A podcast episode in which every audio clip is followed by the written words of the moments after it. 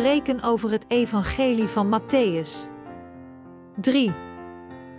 Welk evangelie perfectioneert christenen? Paul C. Jong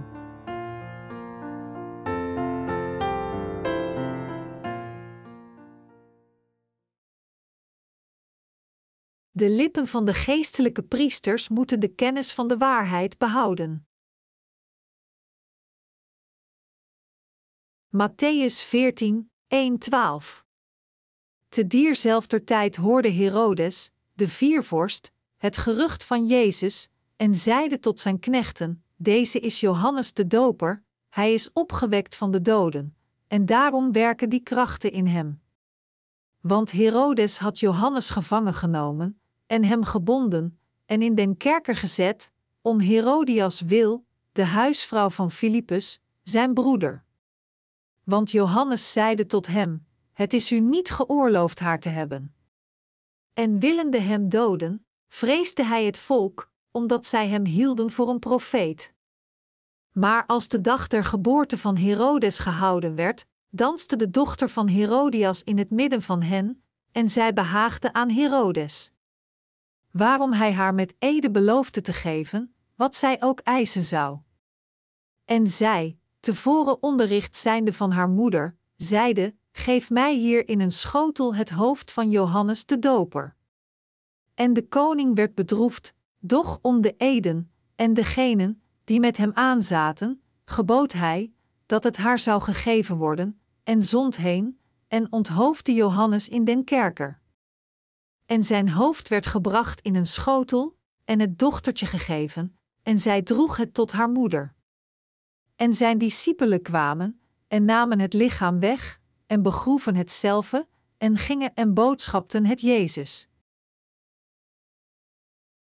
De geschrifte passage die we zojuist gelezen hebben beschrijft de dood van Johannes de Doper. Toen het Romeinse keizerrijk Israël als onderworpen kolonie regeerde, plaatste het Herodes als viervorst, en het was door Herodes dat Johannes de Doper gedood werd, want Johannes had de zonde van Herodes aangeklaagd. Koning Herodes had een broer genaamd Filippus die een vrouw genaamd Herodias had. Toen Herodes de vrouw van zijn broer nam en met haar samenleefde, veroordeelde Johannes de Doper hem hard voor zijn onrechtmatigheid. Herodes was hier niet blij mee en wilde Johannes meteen vermoorden, maar hij kon dit niet doen. Toen dachten de mensen over Johannes de Doper en geloofden in hem als een van de profeten van het Oude Testament. Hierdoor was het niet zo gemakkelijk voor Herodes om Johannes te doden. Dus werd Johannes in plaats daarvan gevangen gezet. Op een dag, tijdens een feest, danste de dochter van Herodias, die de nicht van Herodes was, zo goed dat dit het feest droeg. De dans was spectaculair. Herodes was zo blij met deze dans dat hij aan de dochter van Herodias een eed zwoer, haar belovend: Ik zal je alles geven wat je vraagt. Toen, zoals opgedragen door haar moeder, vroeg ze om het hoofd van Johannes de Doper. Herodes wist niet wat hij moest doen, maar omdat hij zijn belofte niet kon terugnemen, beval hij zijn soldaten Johannes de Doper te onthoofden omdat Johannes de Doper de overtredingen van Herodes had afgekeurd, werd hij door Herodes en zijn vrouw vermoord. Zo werden veel dienaren van God in de Bijbel gedood omdat zij verkondigden wat juist was. Wie was Johannes de Doper? Johannes de Doper was de laatste profeet en priester van het Oude Testament gestuurd door God. En hij was een rechtmatige afstammeling van Aaron. Onze Heer zei dat het koninkrijk van de hemel sinds de dagen van Johannes de Doper geweld wordt aangedaan. Matthäus 11 uur 12. Johannes de Doper was een dienaar van God die zijn priesterschap vervulde als de hoge priester uit het Oude Testament. Jezus Christus doopte en over hem getuigde als het offerlam van God. Johannes de Doper berispte ook de gewone burgers voor hun zonden, door te zeggen: Bekeert u, gij addergebroed. Dankzij dit keerden de vele mensen die dit hoorden terug naar God. Door het horen van de berispende woorden van Johannes ging zich het volk van Israël haar zonde realiseren en vele van hen keerden terug naar God. De dienaren van God denken over beide de koningen en de burgers als hetzelfde en zij berispen de zonde van allebei. Johannes de Doper liet de overtredingen van Herodes niet aan zich voorbij gaan, maar veroordeelde zijn zonde hard. Johannes durfde de zonden van koning Herodes te berispen, dit toont ons wat voor een grote dienaar hij voor God was. Het was omdat Johannes de Doper een dienaar van God was dat hij moedig genoeg was om zelfs de zonde van een koning bot te berispen. In het Oude Testament waren alle dienaren zo van God. Maar hoe zit dit in het huidige tijdperk? Wijzen de zogenaamde dienaren van God hun congregatie op hun zonden en prediken zij het evangelie van het water en de geest?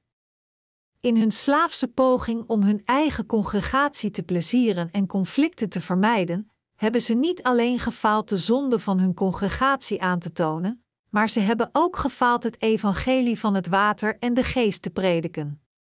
De gelovigen in het evangelie van het water en de geest moeten als eerste de zonde van de mensen aanwijzen en de waarheid van zaligmaking dat het voor hen mogelijk maakt wedergeboren te worden getuigen. Johannes de Doper was iemand die voor Jezus Christus kwam om de weg van zijn zaligmaking voor te bereiden en zijn ambt was heel belangrijk. Sinds hij zelfs moedig de koning voor zijn zonde berispte, was het vanzelfsprekend dat hij ook de gewone burgers voor hun zonde zou berispen. Door dit te doen, bracht hij velen van hen terug naar God.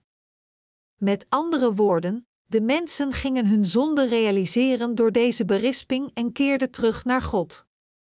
Tenzij Gods dienaren de zonde van de mensen aanduiden, kunnen de mensen zich hun zonde niet realiseren, maar vervallen aan hun corruptie. Ze plegen elke dag zonden zoals ze regelmatig hun maaltijden gebruiken, het feit niet kennend dat de bron van hun zonde verborgen is in hun harten. Ze weten niet wat zonde is, nog kennen zij de ernst van hun zonden, want zij hebben een oppervlakkige kennis over deze zaken. Dat is waarom zoveel christenen tegenwoordig in Jezus als een religie van de wereld geloven, zonder te beseffen dat ze naar de hel gaan voor hun zonden. Dus tenzij de dienaren van God hun zonde met het evangelie van het water en de geest aanwijzen, hoe kunnen zij zich de ernst van hun zonde realiseren? Zij zijn zondaars die nog God kennen, nog weten dat de veroordeling van zonden op hen wacht. Het is als de dienaren van God naar hen toegaan en hun zonde aantonen dat zij zich uiteindelijk de zonde in hun harten realiseren en terugkeren naar God door in het evangelie van het water en de geest te geloven. Wij die geloven in het evangelische woord van het water en de geest zijn de koninklijke priesters van het koninkrijk van de hemel. Als geestelijke priesters moeten we deze twee taken goed uitvoeren, om de zondaars in staat te stellen zich hun zonde te laten realiseren door hun zonden en ongerechtigheid aan te wijzen, en door hen terug te laten keren naar God door gered te worden door in het evangelie van het water en de geest te geloven. De mensen die leven in dit tijdperk zijn zo ongeïnteresseerd in het woord van God dat we niet anders kunnen dan hun zonde aan te tonen. Er zijn te veel mensen die zich de ernst van hun zonde niet realiseren, ondanks dat ze constant zonde plegen. En zelfs onder de religieuze leiders bevinden zich te veel oplichters die hun congregatie door subtiele misleiding uitbuiten.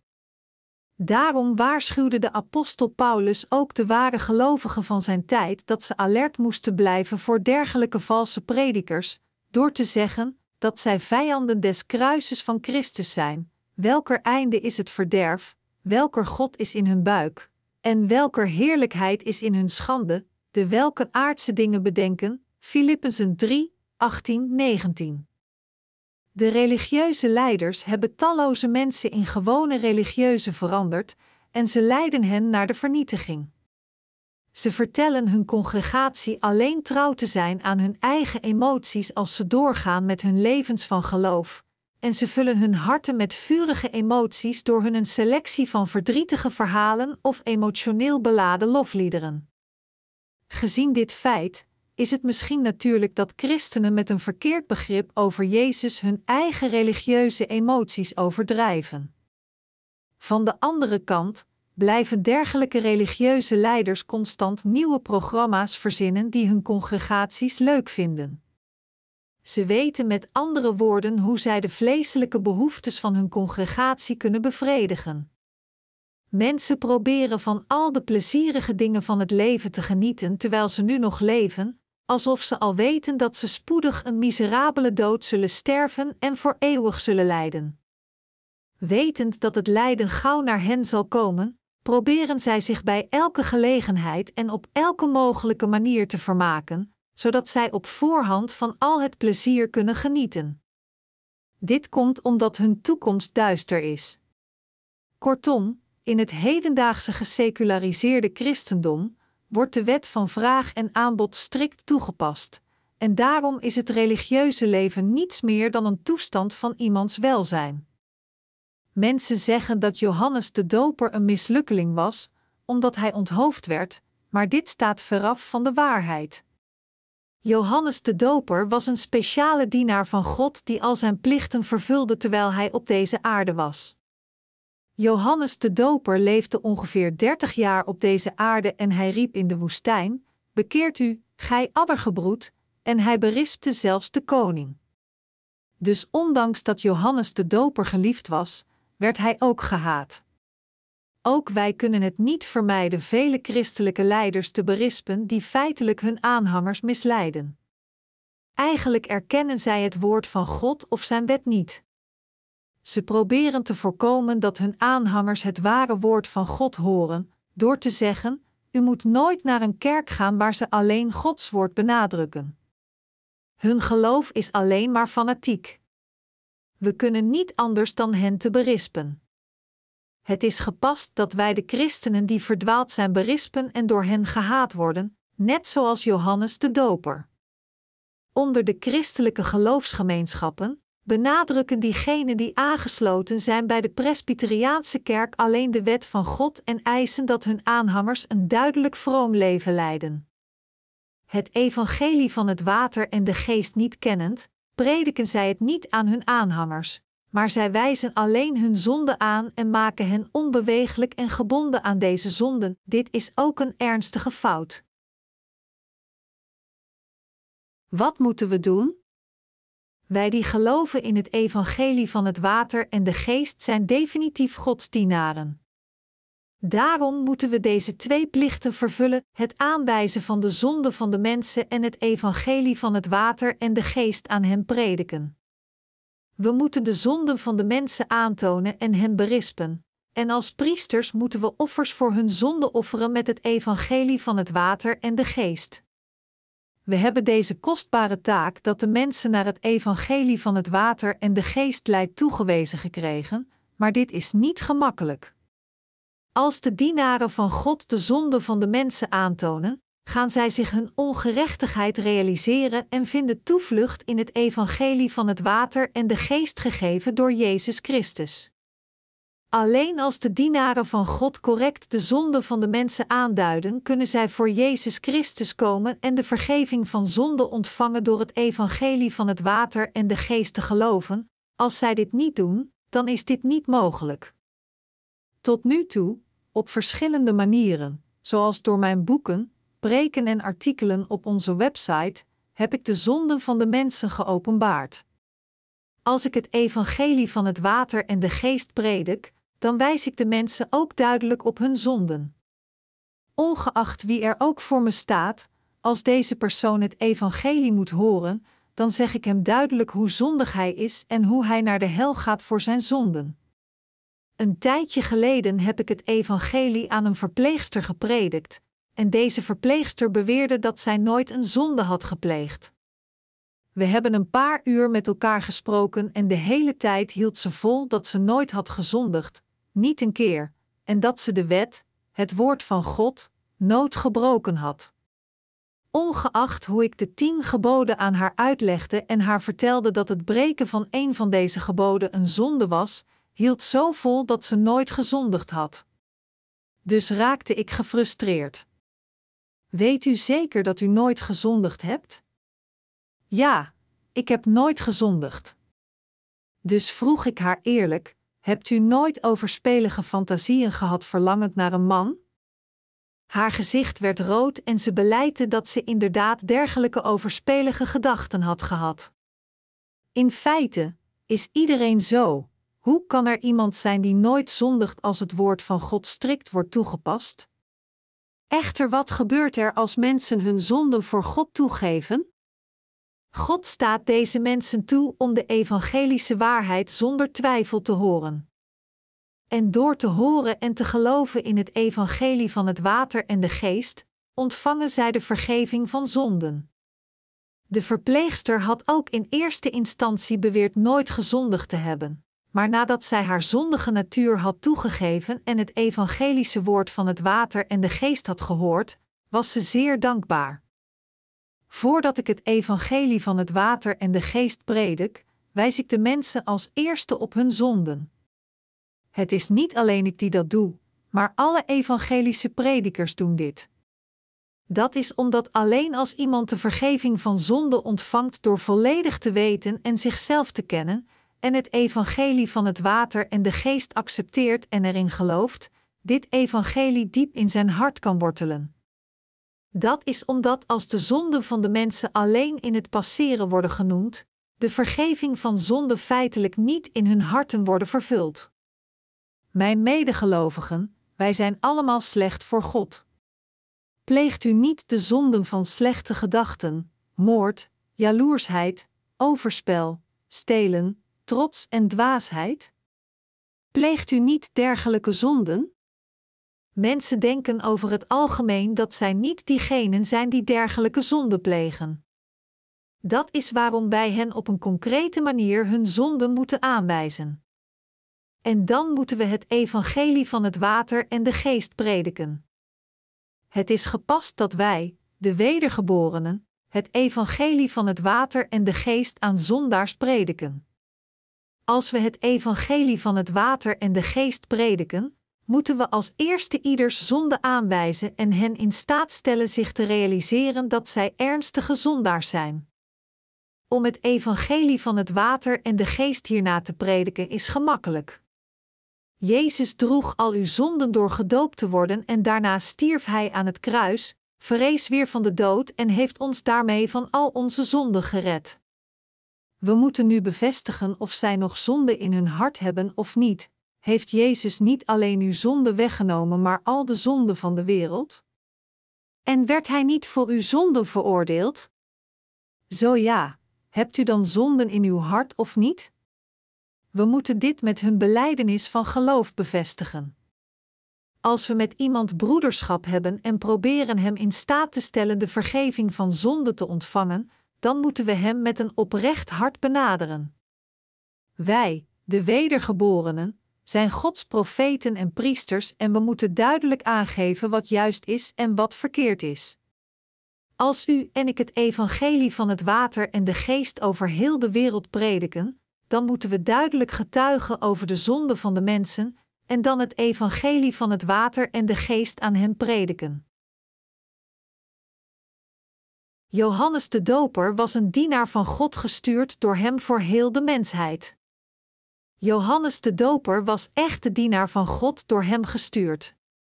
Het is niet gemakkelijk om een koning voor zijn zonden te bekritiseren. Maar Johannes de Doper werd gevangen gezet door zich trouw aan zijn plicht te houden. Gevangen gezet en zijn dood aanschouwend, bleef hij de zonden van de koning aanduiden en hem berispen. Johannes de Doper wist dat hij zou sterven. Hij wist heel goed dat hij vermoord zou worden als hij de koning bleef bekritiseren. Maar desondanks bleef hij de koning berispen. Hij bleef trouw aan zijn rol, want hij was een waardienaar van God. Johannes de Doper schoot niet tekort als de vertegenwoordigers van de mensheid, en hij was meer dan gekwalificeerd om de grootste van al de profeten uit het Oude Testament te zijn. Met andere woorden, Johannes de Doper was groter dan Abraham, Mozes, David, de profeet Jesaja, de profeet Ezechiel of zelfs de profeet Daniel. Echt waar, hij was Gods dienaar. U en ik moeten streng zijn met onszelf als dat nodig is. Sinds wij ontoereikend zijn, zijn er gebieden die bescherming nodig hebben, maar voor God en in het Woord moeten we ons zelf toegeven en erkennen dat wat verkeerd is, verkeerd is. Alle als onze harten eerlijk en puur zijn voor God, kunnen we de vergeving van onze zonden door geloof ontvangen, door te geloven in het evangelie van het water en de geest.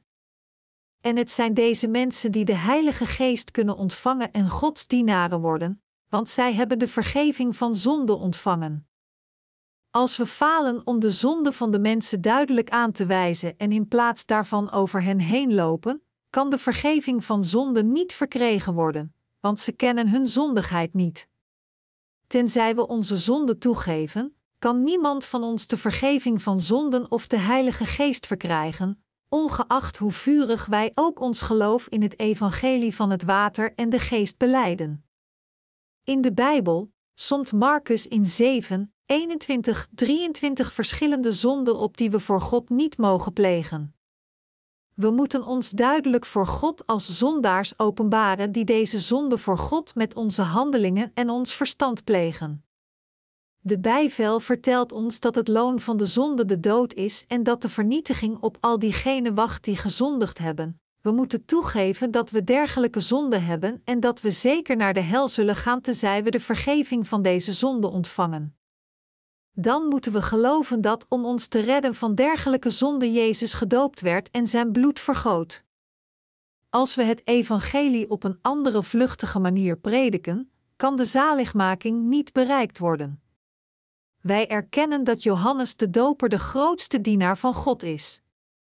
Dit is omdat Johannes de Doper als eerste Jezus, in gehoorzaamheid met de missie die God de Vader aan hem had toevertrouwd, gedoopt had. Hij verhief Jezus ook door de getuigen: zie, het Lam Gods, dat de zonde der wereld wegneemt. Johannes 1 uur 29.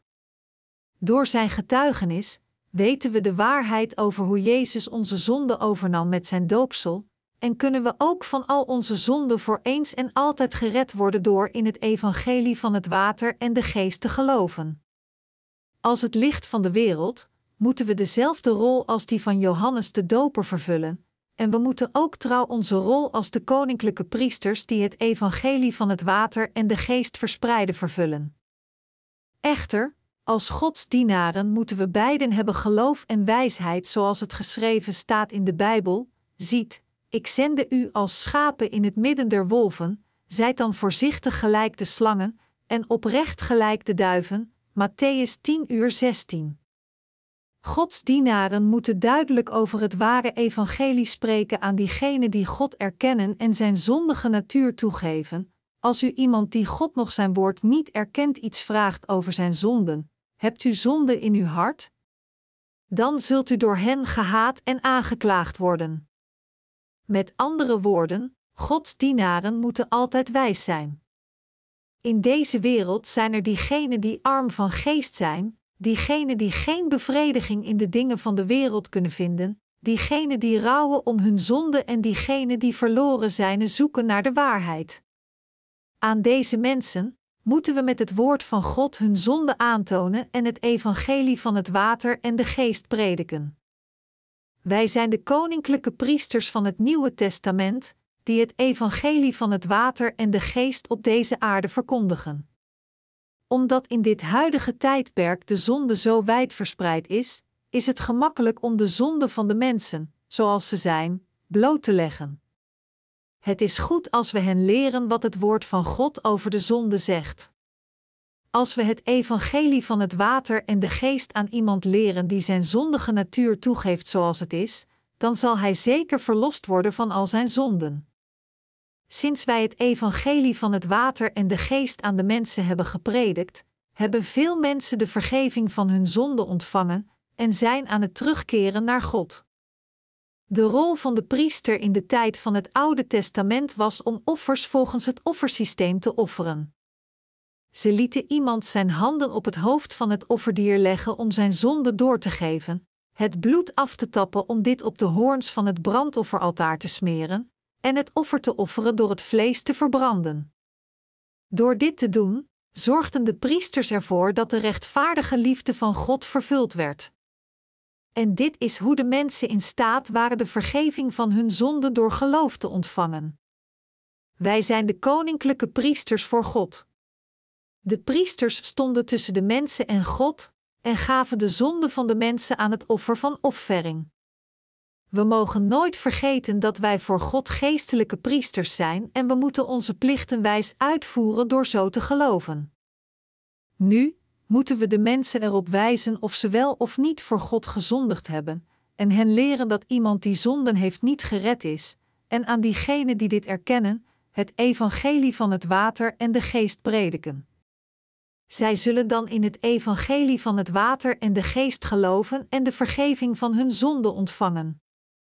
Om de velden van hun harten te ploegen en het zaad van het woord van leven te zaaien, is het hoofdberoep van geestelijke priesters. Ongeacht wat iemand zegt, de lippen van de geestelijke priesters moeten de kennis van de waarheid houden en al hun inspanningen aan de verspreiding van het evangelie van het water en de geest wijden. Wij weten niet wat er morgen gebeurt. Maar wij moeten ons met het evangelie van het water en de geest verenigen tot het einde van de wereld. We moeten ons realiseren dat we in de hel worden gegooid als we zonde hebben, en we moeten hier oprecht in geloven. Als we nu zonde in hun harten zitten, dan moet u beseffen dat al uw zonden inderdaad worden uitgewist als u in het evangelie van het water en de geest gelooft en u moet in het hele woord van God geloven. We moeten volgen en erkennen wat God tegen ons zegt. We hebben allemaal deze wijsheid en dit begrip nodig. Ik geloof dat deze wereld niet lang meer zal bestaan. In deze laatste dagen ben ik vastberaden om het evangelie van het water en de geest aan iedereen te verspreiden voordat ik vertrek. Dat is waarom ik dit evangelie samen met u krachtig wil verspreiden. Als ik zie hoeveel mensen uit onbekende landen, van wie ik de naam nooit gehoord had, voortdurend onze evangelische boeken aanvragen, dan raakt mijn hart steeds meer overtuigd. Zoveel mensen in dergelijke landen ontvangen de vergeving van hun zonden. Ik ben God hier heel dankbaar voor. Ik heb veel respect voor Johannes de Doper. Als de vertegenwoordiger van de mensheid was Johannes de Doper tot het einde toe trouw aan zijn plichten. Hij is inderdaad de grootste ooit geboren uit een vrouw en de laatste hoge priester uit het Oude Testament. Er waren veel priesters voor hem, maar hij die de zonde van de mensheid aan Jezus doorgaf als de vertegenwoordigende priester van heel de mensheid is niemand anders dan Johannes de Doper. Dat is waarom Jezus in Matthäus 11 uur 12 zegt: En van de dagen van Johannes den Doper tot nu toe, wordt het koninkrijk der hemelen geweld aangedaan, en de geweldigers nemen hetzelfde met geweld. Deze passage houdt in dat Jezus, door Johannes de Doper, al de zonden van de mensheid met zijn doopsel accepteerde. Het geweld verwijst naar de gelovigen die een concreet en correct geloof hebben om het koninkrijk van God te nemen. Daarom moet iedereen de vergeving van zonde ontvangen en de hemel met geweld nemen door concreet in het evangelie van het water en de geest te geloven maar de ongelovigen kunnen het koninkrijk van de hemel niet binnengaan en zullen in plaats daarvan in het eeuwige vuur van de hel worden gegooid. Voor u en mij is ons doel in het leven het evangelie van het water en de geest samen te verspreiden. En het is mijn oprecht verlangen om een trouw leven als de dienaar van God te leven, net zoals Johannes de Doper. Afgezien van de verspreiding van het evangelie is er niets dat ik van deze wereld wil. Wat is er om van de wereld te verlangen? Niet alleen ik, maar al de wedergeboren rechtvaardigen hebben geen ander verlangen dan het evangelie van het water en de geest te verspreiden. En onze grootste wens is het om het koninkrijk van de Heer binnen te gaan en in glorie te leven. We willen voor eeuwig in zijn koninkrijk beloond worden voor de moeilijkheden die wij op deze aarde ervaren hebben. En we willen niet meer huilen, nog lijden zien, maar voor eeuwig van de glorie en pracht genieten. Omdat de Heer ons beloofd heeft dit allemaal voor ons te vervullen, geloven wij in deze belofte. Ik vind het heel belangrijk om beloftes te houden, zelfs als het met een ander mens is. Er zijn veel mensen in deze wereld die geen rekening houden met beloftes en vertrouwen luchtig opnemen, maar ik zal zeker een belofte houden, ongeacht met wie de belofte gemaakt is, want dat is oprecht nobel. Hoe zit het dan met de beloftes van God? Zijn de beloftes van God niet meer dan genoeg om vereerd te worden? Want God heeft nooit en zal ook nooit een van zijn beloftes breken? Dus beschouw ik het niet als een verspilling om alles van mezelf aan Hem te offeren om de vervulling van Zijn beloftes te verkrijgen. Om het koninkrijk binnen te gaan, dat Hij beloofd heeft, moeten we trouw blijven aan ons priesterschap dat de zonden van de mensen wegneemt in overeenstemming met het woord van God. Ik wilde u wat vragen, laat ons samen dit evangelie van het water en de geest tot het einde van de wereld verspreiden. Ik vraag u om voor het evangelie te bidden, elkaar te verdragen ondanks dat we zoveel tekortkomingen hebben, om dit evangelie met mij te verspreiden om uiteindelijk samen van de glorie te genieten. Laten we allemaal ons priesterschap trouw vervullen door ons geloof in het evangelie van het water en de geest te plaatsen, om daarna naar God te gaan.